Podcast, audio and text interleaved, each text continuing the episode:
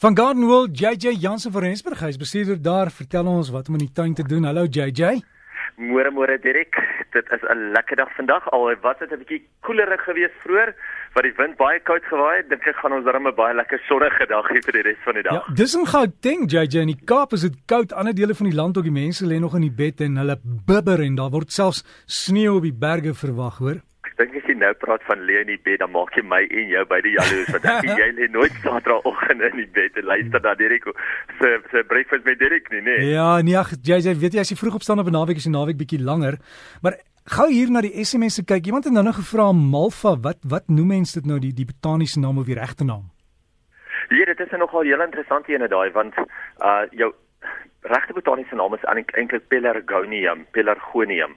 Nou 'n Pelargonium kan 'n uh, malva wees of 'n gesiggie malva wees. Jy weet in in Engels is dit baie meer verwarrend want jy kry pelargoniums en geraniums en alle geraniums is pelargoniums maar alle pelargoniums is nie geraniums nie, jy weet. So dit is baie interessant hier, maar ja, die botaniese naam vir 'n malva is pelargonium.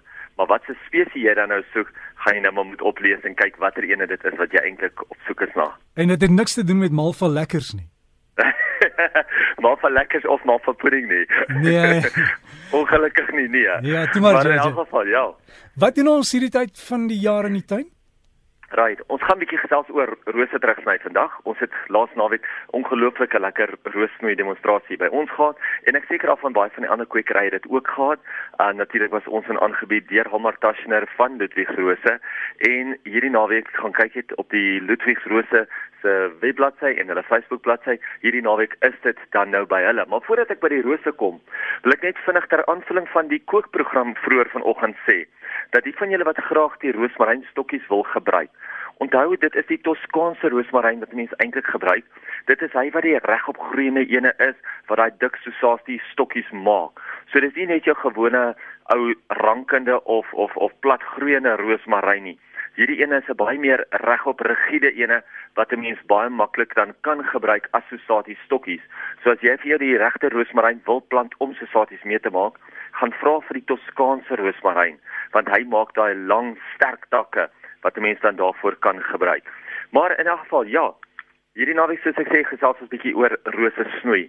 Vir die van julle wat nou nie 'n roossnoei demonstrasie kan bywoon nie, kom ons gesels vinnig daaroor oor wat is die basiese wenke wat 'n mens natuurlik moet in gedagte hou as dit kom by rose snoei. Hoekom sny ons nou rose hierdie tyd van die jaar? Daar is baie min insekte in in die omgang, daar's baie min fungusse in die omgang en dit is natuurlik ook nou wanneer die, die plante in rus is. Onthou as jou plante in rus is, beteken dit al die krag van die plante sit in die wortels. So jy kan maar die bokant afsny want daai wortels gaan weer vir jou baie baie energie baie energie uitstoot, baie nuwe groei uitstoot. So as ons kom by bosrose met die uitsondering van jou icebergs, moet mense onthou, die icebergs is natuurlik daai spierwit blommetjies, daai spierwit rose wat so verskriklik baie blom. Moet mense onthou dat jou Floribunda rose wat jou trosrose is, en jou teerose wat gewoonlik jou snyrose is word beide teruggesny tot omtrent so plus minus 400 tot 500 mm van die grond af. Dit is so om by 40 tot 50 cm van die grond af. Die rede hoekom ons dit wil terugsny is ons wil baie lig in die plant inkry. Um soos in sonskyn, ons wil sonskyn in die plant inkry wat die plante lekker sterk gaan maak. En daardeur gaan ons dan nou soek vir drie hooftakke.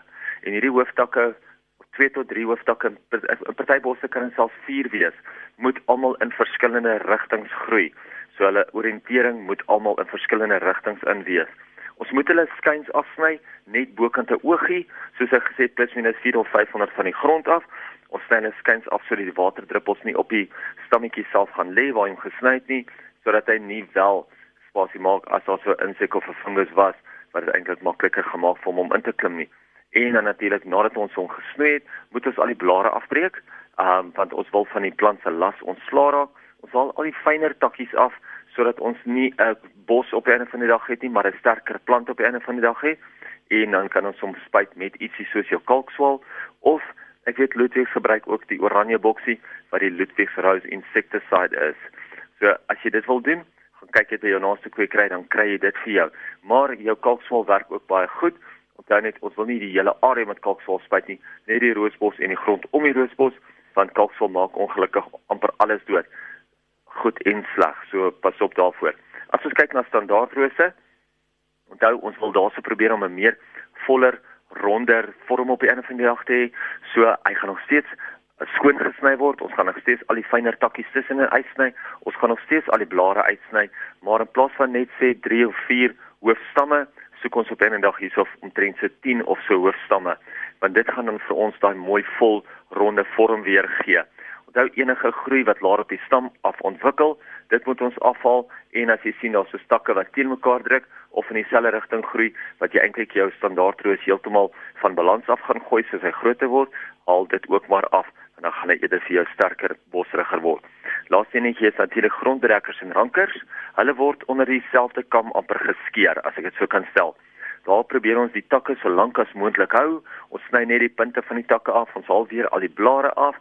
Ons probeer soveel as moontlik uh, takke hou, hoofstamme hou en dan haal ons ook al die kleiner takkies weer af. Weereens sny ons hom skuins sodat as die die die, die water daarop lê dat dit heeltemal kan afloop En ja, dit is omtrent dit. Onthou nadat jy gesnoei het, moet jy jou rose voer en hierso kan 'n mens 'n baie goeie ene wat ek teesal baie gebruik is 'n Flower Power. Gaan kyk in die Nutri Green reeks. Flower Power werk baie goed want hy gaan nou vir jou weer baie nuwe blomme gee of enigiets hoog in kalium. Gaan loer uit vir ietsie soos 'n 815 of 'n 315. Gooi dit op die plante, maak hom baie goed nat en binne 4 tot 6 weke van nou gaan jy pragtige nuwe groei sien en son jou blomme eersdaags weer op hulle mooiste hê. So gesels JJ Jans van Rensburg van Garden World. Jy kan ook in dit gaan kry op hulle webtuiste. Dis gardenworld.co.za. En as jy daar sit in jou kop skud en nog steeds nie weet hoe om jou rose te snoei nie, miskien een van die kursusse by jou plaaslike kwekery gaan bywoon. Net gewone kursusse bel net en vra en sê jy wil daar wees. Gaan leer, doen dit reg en dan sien jy later as jou rose blom hoe mooi hulle werklik is.